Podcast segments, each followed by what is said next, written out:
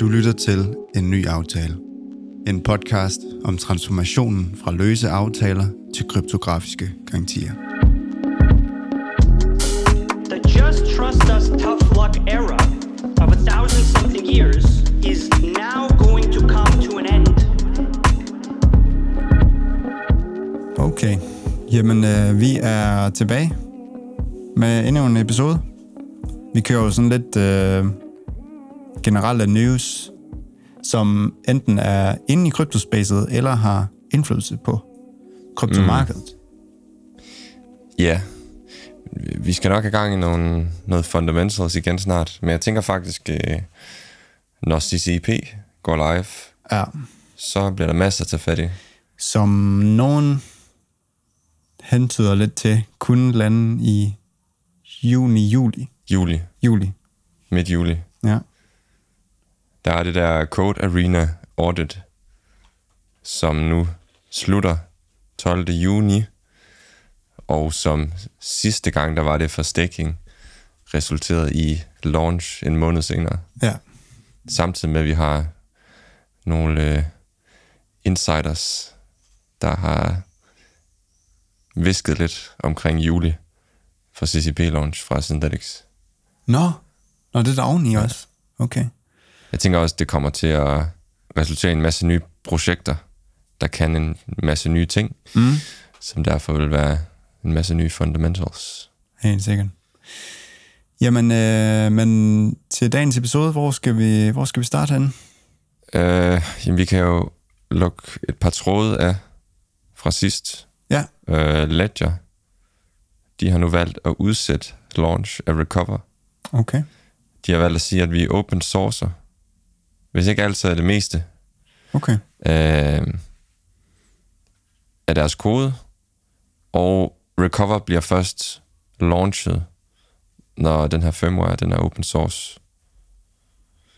Okay. Så det er jo positivt, men de har stadigvæk tænkt sig at launch Ja. Recover. De det kan har- være, at de stoler så meget på deres, øh, altså koden i det, at, sådan, at dem, der ligesom kender, altså virkelig kan se detaljerne i det, at de, de kan vouch for det til den tid. Altså man kan sige, hvis open source, hvis det hele bliver open source, så kan man i det mindste audit og se, at Ledger ikke har lavet en backdoor, hvor de hiver seed ud, men de har jo stadigvæk introduceret en attack surface, hvor hacker gennem en API kan få adgang til ens keys. Mm. Så der, er det er jo stadigvæk kritisabelt. Ja, men altså, de udsætter det i hvert fald, så de har da mærket øh, øh, lavinen. Ja. Og så var der det her øh, gældsloft i USA, som de nu, det nu virker til, at de har nået en aftale omkring. Okay. Hvad Det jeg måske ikke hørt så meget om. Nej, Øh, jamen det sjove ved aftalen, det er egentlig, at, at der ikke kommer til at være noget loft, nyt loft på gældsloftet, men at det kommer til at være unlimited frem til en, en dato, jeg tror det er 2025. okay. Så hvad betyder det i øh, Det betyder, lav, at, hvad, at, layman at terms? nogle af de her projections for, hvor, hvor meget øh, statsgæld USA kommer til at have i fremtiden, det får frit løb. Det er unlimited. Ja.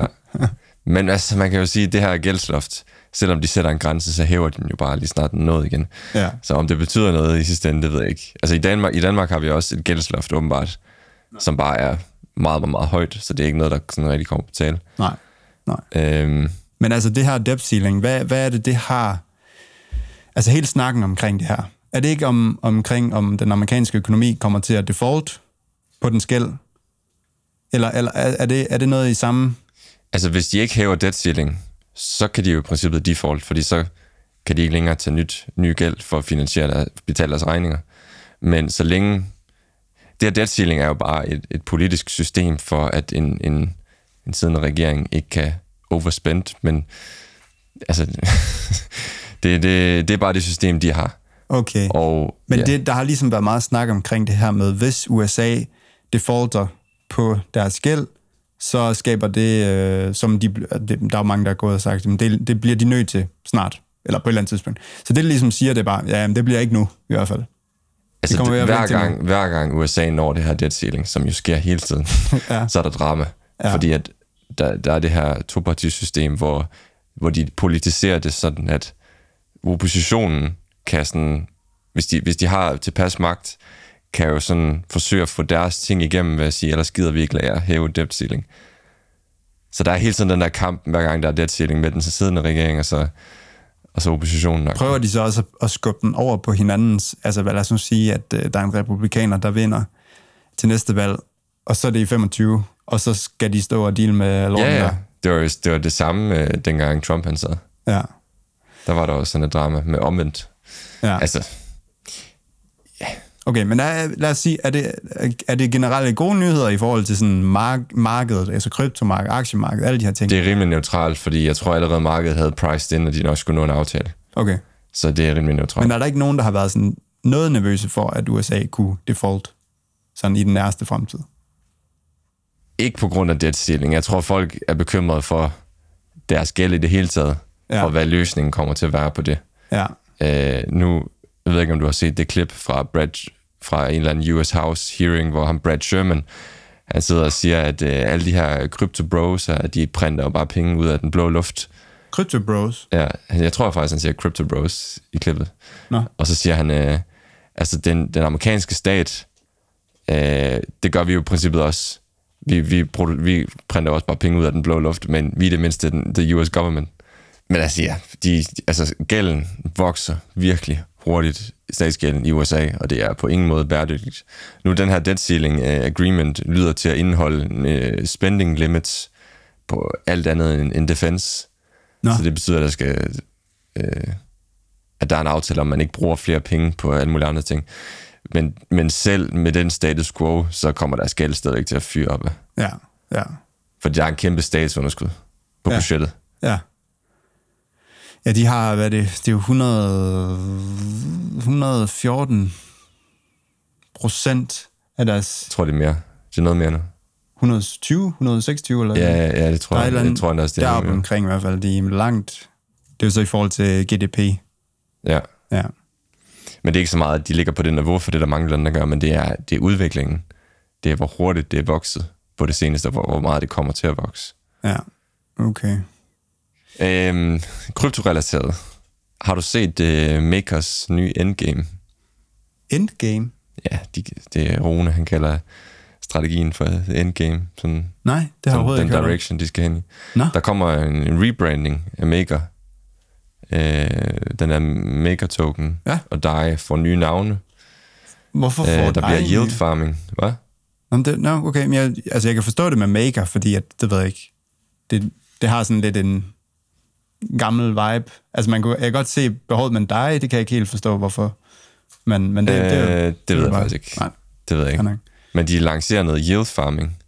Og så bliver der øh, en, en række nye sub-DAOs. Og jeg tror også, der er snak om en egen blockchain. En, måske en app-chain eller sådan noget. Øhm, Nå, jeg har ikke sat mig frygtelig meget ind i det. Men øh, det lyder lidt spændende umiddelbart. ja. Men det er da, okay, det er da bare voldsomt, uh, voldsomt at kalde det endgame. Øh, jamen, det gjorde de jo også. Det, altså, det har han altid kaldt deres strategi. Nå, Det har været sådan en endgame. okay. Ja. Det bliver da meget spændende så. Har du, jeg ved ikke, om du følger DJ Spartan på, på Twitter? Altså, jeg, jeg synes, han deler så mange ting med sådan noget, øh, hvad, hvad nu det hedder, anime-ting og sådan noget der. Mm. Jeg, jeg ender tit med at scrolle ret hurtigt forbi øh, meget af hans ting, så jeg tror, jeg går glip af okay. noget fedt, Okay, fordi jeg ja. synes, der er så meget lort, Ja. som jeg ikke gider at læse. Men nej, så hvad, hvad Men han shitter bare virkelig meget på Maker.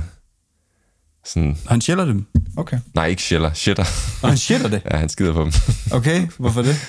øh, jamen, det er et godt spørgsmål. Jeg tror bare, jeg, jeg tror ikke, han kan lide den der MKR-token der. Det er sådan, Nå. han laver sjov med, hvor dårlig en investering det har været. Prøv lige for lytterens skyld, hvorfor er det, vi snakker om øh, øh, øh, DJ'en Spartan?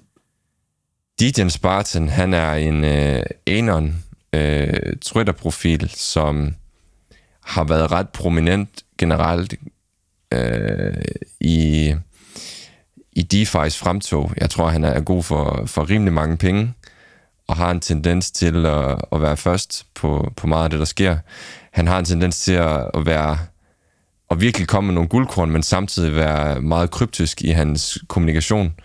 Så han kan godt lide at, at lave psyops og, og mislede folk og lave grin med folk, der taber penge. Og det er meget sådan... Øh, om du har set den der øh, chaotic øh, neutral, altså hvor man sådan klassificerer folk efter, hvor, hvor etiske de er, og hvor, øh, hvor volatile de er og sådan noget. Ja. Men han, er- han er en type, som, som man, øh, man skal tænke lidt selv, når man læser hans tweets. Ja.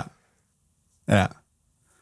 Jamen, han er meget, øh, han er meget interessant fyr. Det var forresten også ham, der, der annoncerede tilbage i slut 2020, tror jeg, at der ville være tre års DeFi bærmarked.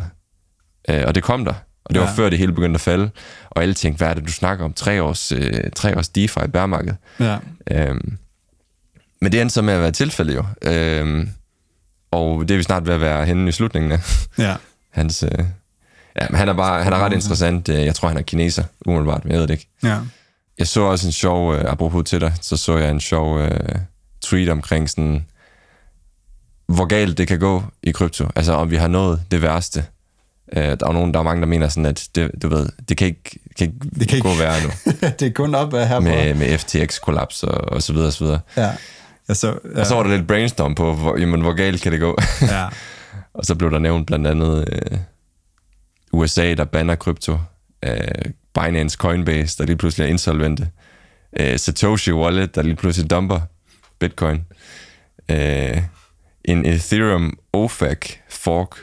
Øh, altså det vil sige en fork af Ethereum, hvor øh, ting er under sanktioner og sådan noget. Eller fordi lige pludselig Ethereum går under sanktioner, ja. og der bliver en fork, der sådan er... Ja, jeg ved ikke. Uniswap, der kommer under sanktioner, vil også være rimelig slemt. Øh, Så snakker man om, øh, nu hvis der kommer 90% unrealized øh, gains tax. Så er der nogle krypteringsstandarder, lad os sige, de blev cracked, øh, eller de gik i stykker. Mm. Øh, hvis, hvis Craig Wright, han signer Satoshi Keys, var der også en, der skrev. Du ved godt, hvem Craig Wright er, Men ikke? det er jo ham, der påstår, han er Satoshi, ikke? Jo, ham. Så hvis, så hvis det faktisk hvis det faktisk var ham, Hvis det faktisk viser sig, at det var ham, det ville være rimelig bearish, umiddelbart. ja. Ja. Der er ikke noget, der sådan er sådan... Altså, jeg tænker også, hvad er, hvad er mest sandsynligt af det der? Fordi, Mm, altså, Binance, Coinbase, insolvent... Øhm, Der er jo faktisk lidt flot omkring Binance lige nu. Der er sådan lidt... Men, det- altså, det er der jo sådan set lidt hele tiden. ja, Men der er nogle forskellige kryptomedier, der, der påstår, at de måske har komminklet nogle customer funds og sådan noget, ligesom FTX. okay. Men der er ikke nogen beviser for noget. Øh, så, så det igen, det er bare lidt fot, der kører rundt. Men Ja. øh, man er altid lidt bekymret for Binance og, og Tether og sådan noget. Ja. Ja. Men det er klart, det vil være... Det vil være noget rigtig lort. Ja. Ja. Jamen, jeg ved sgu ikke. Altså, det, er- det er også bare, altså, man holder sig jo sådan lidt væk fra, fra alle de der exchanges der, og så prøver at være så, øh, hvad kan man sige, så man ikke er dependent on, on de ting der. Men de kunne have kæmpe indflydelse på markedet. ja, det er i forhold til priserne jo. Ja, det er bare priserne. Ja. ja. Den amerikanske, i, i forhold til det her Max Fod, så den amerikanske regering ejer faktisk 200.000 bitcoin. Vidste du godt det? Nej, Det er omkring hvad, 5 milliarder dollar eller sådan noget. okay. De er faktisk den største bitcoin-holder i verden, det er den amerikanske regering. Men har de adgang til dem? Ja, Altså, har de... det er, det er, det er bitcoin, de har konfiskeret Men fra hvad? fra kriminelle. Fra kriminelle? Ja. Jeg ved ikke, jeg ved ikke, ja, ja, fra kriminelle. ja. Nå. Ja, fordi sådan noget Mount Gox og sådan noget der, det er jo ikke staten. Altså, Det er ikke, det er ikke der iblandt. Nej. Men det er jo faktisk, jeg tror, de stille og roligt er begyndt at dumpe det, og nok kommer til at dumpe dem over noget tid. Nå. Men det er alligevel vildt nok, at den amerikanske regering er den største bitcoin-holder, som jeg lige forstår det. Ja, men ved vi overhovedet det? Altså, fordi det er jo, det er jo bare baseret på, på, at vi ved, hvor mange, meget der er blevet seized. Men der kunne egentlig godt være, altså jeg snakker ikke om én wallet, men altså en eller anden, der sidder med en, en masse wallets med en masse forskellige... Øh, Det kunne selvfølgelig være tilfældet. Ja. Øhm, men jeg tror, man plejer at sige, at Michael Saylor, også MicroStrategy, er på vej til at være den største bitcoin-holder. Nå, Fordi de har lidt under det der. de har lidt under det der. Ja. Michael Saylor har snart 1% af udbuddet. Okay. Det, er, det er lidt over. Shit. En anden sjov ting i krypto er faktisk Pulse Chain. Nu ved jeg ikke, hvor meget... Vi har jo snakket lidt om Richard Hart i forhold til... øh, Hvad er nu den hed? Øh, Hek, øh, Hex... Hex, ja. Hex, jamen hvad ja. fanden? Ja, han har Hex og så Pulse Chain. ja. Og, og øh, jeg, jeg tror da faktisk i tidligere afsnit, vi har snakket om, at vi godt kunne tænke os at, at have et afsnit omkring det, fordi det er sådan lidt skørt. Altså Hicks har jo, er jo stedet helt vanvittigt meget. Jamen, jeg tror også, den er, ligger på et lavere niveau nu i forhold til All Time High. Ja, Umiddelbart. men det der Pulse Chain, sidst jeg hørte om det, der var det jo ikke, øh, der, er det ikke, der var det ikke live endnu. Nej, det, det er gået live her for nyligt. Det var Og det er for nyligt? Ja, det er her for nyligt. Nå, Og øh, sådan som jeg... Nu er bare ting, jeg har hørt. Jeg har ikke prøvet noget af. Øh, men det launchede med ret høje fees. nå, Det var en Ethereum fork, hvor det var meningen, at du skulle claim en kopi af, hvad end du holdt på Ethereum. ja, Så du kunne claim, lad os sige, du holdt noget link på Ethereum, så kunne du claim link på Pulse Chain, men det, den faldt selvfølgelig bare til 0 med det samme i værdi, fordi at den var ikke uh, composable, compatible med link på Ethereum. Altså det var jo bare en eller anden random kopi. Det kan jo ikke bruges til sådan noget i Chainlink-netværket, så det var sådan, ja. hvad, hvad, hvad værdi har Så, den? så hvis Pulse Chain ikke bliver brugt, så, så, så har intet af noget af det der med, det, selvom det er en kopi af noget. Det er har vidderligt bare en kopi af alle tokens på Ethereum uden utility. Altså det er bare kopier af... Men lad os sige, at der, at der faktisk begynder at, være, at blive brugt. Altså, Hvis Chainlink launchede på Pulse Chain, så ville de jo bridge deres egen token over Chainlink. Så den kopi, man kunne claim på Pulse Chain, ville jo ikke blive brugt i Chainlink-netværket på noget tidspunkt. Nå, på den Så det er igen, altså... Ja. Og så, Det lød meget godt. Det lød meget godt, da, når han var ude og... jamen, han er en god marketer. Altså, Ja. det er der ingen tvivl om. Altså, han, er, han har jo virkelig øh, altså, fået gang i et community, Ja. og fået dem op at køre over det her. Og der er, jeg tror, omkring 200 projekter, der bygger på Chain nu. Men hvis du ser på fundamentals, altså, det er, så vidt jeg forstår, proof of stake, men langt størstedelen af, af den her Pulse Chain coin, den er ejet af Richard Hart. Ja. Ja. Og igen, point of øh, proof of stake, i proof of stake er det ret afgørende, hvor distribueret øh, den, den coin den er i forhold til sikkerheden. Ja. Ja. Men altså, Nej, men det, er, jo- det, men det er jo også, altså det er jo ikke fordi, vi sådan har reklameret en hel masse med, med Chain eller Hex, men det har altid været sådan lidt sjovt på grund af ham, der er Richard. Han er så... Altså det er, sådan en, det er sådan en, man kigger på, og så sådan... Man reserverer lige nogle procenter til, okay, men kunne det da være en god idé? kunne, det, mm. kunne det være lidt fedt at være, at være med på, fordi han er så... Øhm, han er meget karismat, karismatisk. altså den der øh, Pulse Chain coin, jeg tror, hvis du tager det fulde udbud gange med prisen, den bliver handlet til, så ligger den oppe i top 5 CoinGecko. Ja. Men de, har ikke, de lister den ikke, fordi det der med udbud, det, altså, det samme med Hex, hvis du virkelig tog det fulde udbud, alt der var locked og så sådan noget, Ja. så er det jo sådan noget, altså flere hundrede milliarder. Altså det er sådan... Det, det er virkelig noget... Han kan virkelig få folk til at spekulere i det her. Ja. Men det må vi da se, hvad der sker med. Altså, men så det har ikke været lige så fedt, som han ligesom i hvert fald fik til at lyde før. Øh, jamen, altså han har jo leveret på det, han har sagt, det skulle kunne. Ja. Så Så er det bare, hvad sker der med, hvad sker der med de der kopier der? Altså, hvad er meningen med de der ingenting. kopier? ingenting. Men det han- giver måske mening at have en, en bitcoin-kopi på Pulse Chain, men alt andet, der rent faktisk har utility på deres native chains, Ja. giver ingen mening. Det kan da også være, øh, det ved jeg ikke, om der er en bridge, der kan lave en show med det der. Ja, CCP, det går live med Pulse Chain. altså...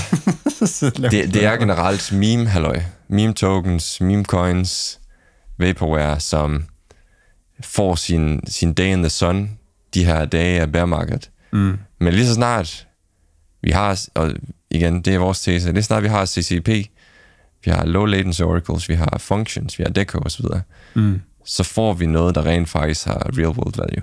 Ja. Og så bliver der bare lidt flere ting at snakke om. Ja. Ja, apropos, jeg så, øh, jeg så en lille tale med hende der, um, Adeline, øh, hvor hun var til en konference i Hongkong nu her, hvor hun talte om CCP, og nævner, nævner specifikt øh, BY Mellon, og sådan, det ved jeg ikke, det ved jeg ikke, jeg synes bare, at dengang, hvor der var SmartCon, og hvor, hvor B.Y. Mellon, ham døden derfra, var med inden. Det virker ikke som om, det var sådan et decideret partnerskab. Det var lidt sådan en slags, sådan, hey, og vi, kan, vi ser jer, og vi ved godt lige, at det der, det kunne være lidt fedt, måske en gang i fremtiden, og lad os lige se, og Øh, men den måde Adeline, hun talte om det på, det var, det var sådan lidt... Altså hun nævnte specifikt dem, og ikke Swift og nogen andre. Altså det var sådan mm. meget med, at der kommer en masse penge on-chain, og mm. bliver, der kommer en masse tokenized finance. Det kommer til at ske. Og det var sådan, ja, Ja, ja, ja. altså, det er jo sindssygt, altså, hvis det virkelig er det, der kommer til at ske. Altså, ja. Altså, de, de connections til BNY Mellon, som er en af de største custodians i verden, ja. øh, til hvor- DTCC. Der, hvor bankerne, de banker. Ja, Det er fedt. Det er Ja. fedt slogan. ja. og State Street, ny connection også. Den var der faktisk ikke dengang i breadcrumbs-tiderne. Hvad for en? State Street. Nå, den har jeg heller ikke hørt om. Vi har Vanguard og BlackRock og State Street som de her tre Ah, øh, vanvittige store asset management firmaer. ja. Øhm, og igen, det er i forhold til tokenization Ja. af de her financial assets af alle mulige forskellige slags. Alle mulige ting. Ja. Uha. Puha. Puha. en anden tråd, vi lige luk. BlockFi, der gik konkurs. Der var jo folk, der havde haft penge stående der. Og øh, ligesom med Celsius, at retten sagde, at alle, dem, alle de penge, du havde givet til Celsius, det var ikke længere dine penge. Du havde lånt dem til Celsius, derfor er du en kreditor, og derfor har du ikke krav på med det her konkurs. Det samme er blevet sagt i BlockFi. Du har lånt dine penge til BlockFi, derfor er du bare en kreditor. Det er ikke dine penge, der har stået på BlockFi. Igen, kan vi lige reiterate, at når, når man giver sine penge til de her centraliserede earn programs, Ja. så er du altså ikke depositor, så er du altså creditor. Men nu har skat jo, nu har skat, det ved jeg ikke, om du har set, det er forresten en anden ting, skat i USA er kommet og gjort krav på 20 milliarder dollar i FTX, så skattefar kommer og tager pengene før depositors. og så- Ej. Ja. Ej. I den traditionelle finansielle verden, så er det faktisk meget normalt, at, øh, at der er custodians, og så er der exchanges. Det vil sige, hvis du køber nogle aktier, så står de ved en virksomhed, der holder på det.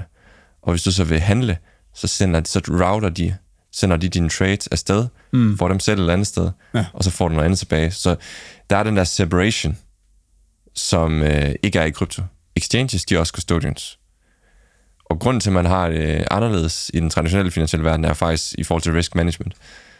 Så jeg ved ikke, om vi, vi i krypto skal over til en anden praksis, hvor din krypto står et sted, hvor folk er gode, er custodians, regulerede custodians, er gode til den del, og ikke kan samtidig co-mingle dine funds i forbindelse med en exchange og sådan noget. Ja, ja, Øh, og så router trades med noget, med noget payment for order flow eller et eller andet. ja. Men det kunne godt være, at det, den model er bedre. For den, er ikke, den, den måde, vi gør det i krypto nu, er faktisk ikke sådan, man gør i den virkelige verden. Nej. Der kunne man da måske godt uh, adoptere. Men på den anden side, så, øh, så er det jo DeFi, som vi skal over til. Vi skal over til en, en trustless måde at gøre tingene på. Ja, ja. Men altså for de der, altså på vejen dertil, Mm. så kunne det da være, at det gav mening. Jump Trading. Er den her trading, mm. trading virksomhed, market maker, som lever godt af MEV og lever godt af, af market making og, og markedsmanipulation og, og ting og sager. Ja, øhm, som jo også står bag Pith, den her Chainlink-konkurrent, ja, ja. og som nok i virkeligheden har koordineret en del fod mod Chainlink, fordi at Chainlink lidt ødelægger deres forretningsmodel. Ja, De er blevet øh, sagsøgt, class action, relateret til Terra Luna. Så øh, der var en masse insider trading, hvor jump trading, de øh, slap ud før alle andre. Øhm, okay. Ja. Og måske endda startede kollapset af Luna. Okay. Men jeg og ikke class action lawsuit, det lyder jo, det lyder jo ret fedt. Ja, det, det er bare, at der er mange mennesker med. Ja. Jeg så også, øh, var det, det, det, det er så lidt tid siden, men Doug One, så han var jo, først var han blevet kommet i fængsel, Mm, så blev han bailet ud. Øh, så fik han at vide, nej, men det må du ikke alligevel. så kommer han tilbage i fængsel. mm, ja, ja. Der, bare for at sige, der er stadigvæk, der er stadigvæk retfærdighed. ja. I forhold til sådan retfærdighed i USA, så US Chamber of Commerce, de har kaldt uh, SEC ud for at handle sådan unlawfully, siger de, i kryptospacet. Okay. Og US Chamber of Commerce, hvad, hvad er det for noget? Er det en regulativ? Det skulle være en eller anden institution, som faktisk er enormt magtfuld. Og jeg ved ikke præcis hvorfor, men det skulle være en rimelig big deal. Ja. Øh, Commerce, hvad er det nu? Altså, hvis man det er bare handel. det. Chamber of Handel. Okay, Chamber of Handel. Ja. Okay. Og de har lavet en, øh, jeg tror det er en, en statement til den sag, der er mellem SEC og Coinbase, hvis jeg ikke tager helt fejl, hvor de skriver, at regulatory uncertainty dræber innovation i USA, Ja. at SEC destabiliserer øh, digital assets regulatory environment. De siger også, at SEC øh, violater constitutional due, due process and fair notice rights. Og de siger, at SEC's actions are not just harmful policy, they are unlawful. Så de siger faktisk, at SEC bryder loven. Okay. Det er umiddelbart en big deal. Ja.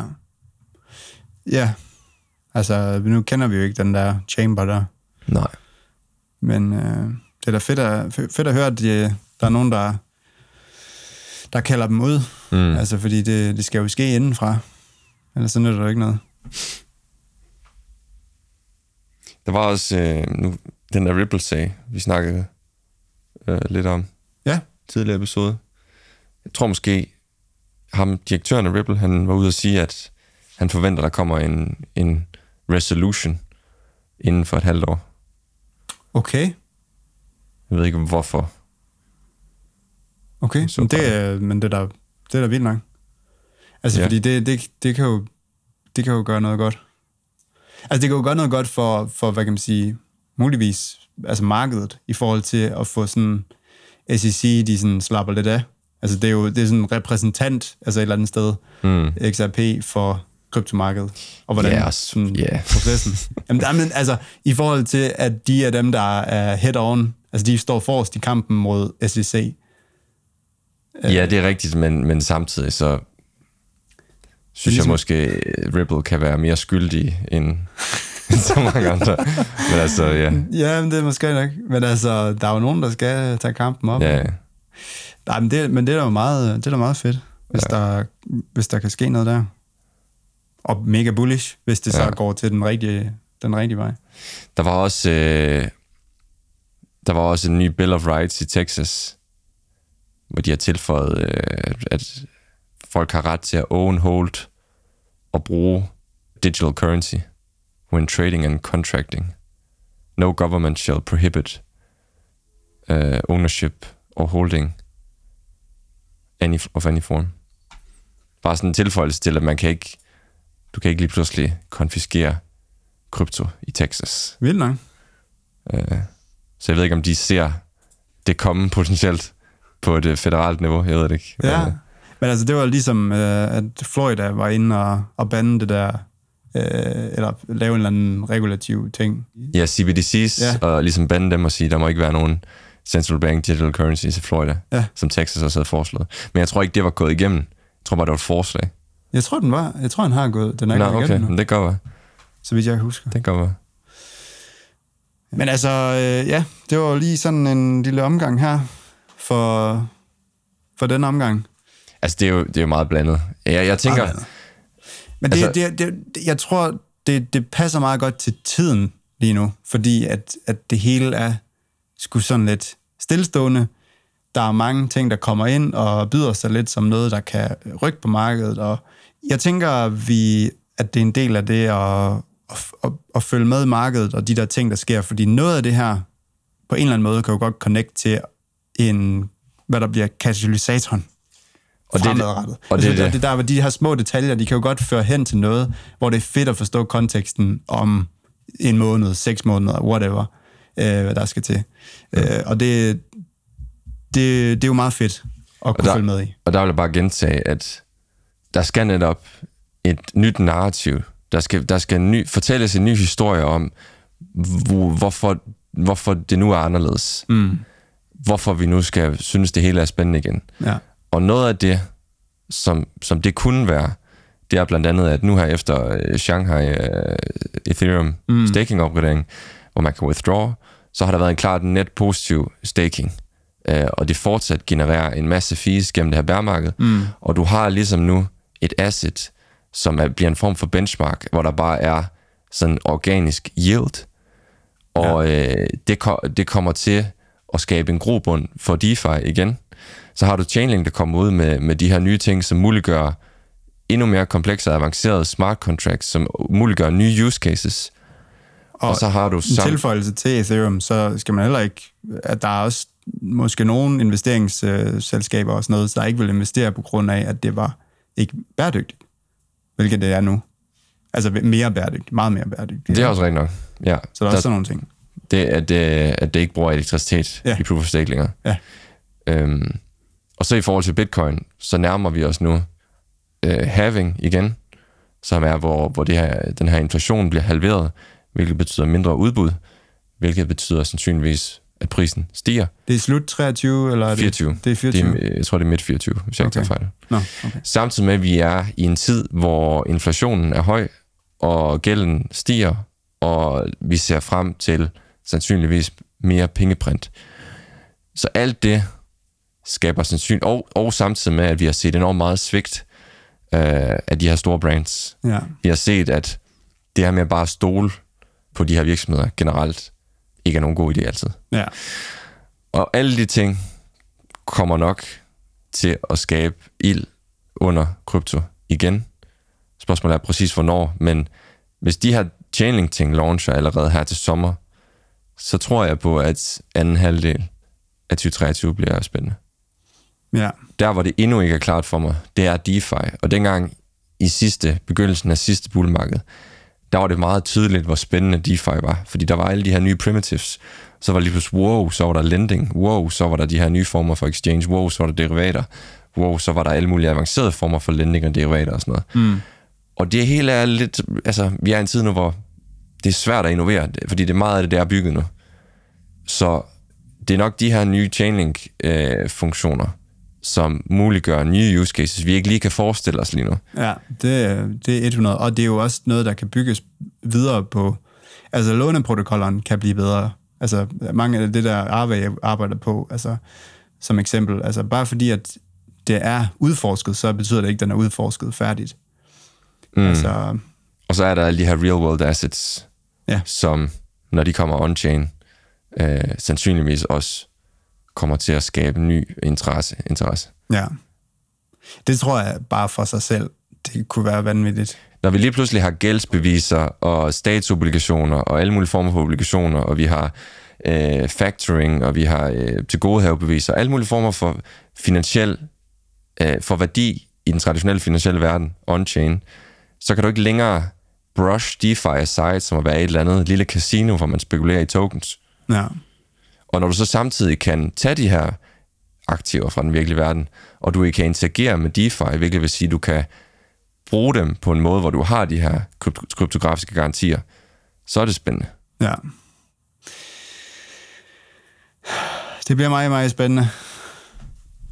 Og øh, vi må bare, øh, vi må bare, bare se, øh, se, hvad der sker.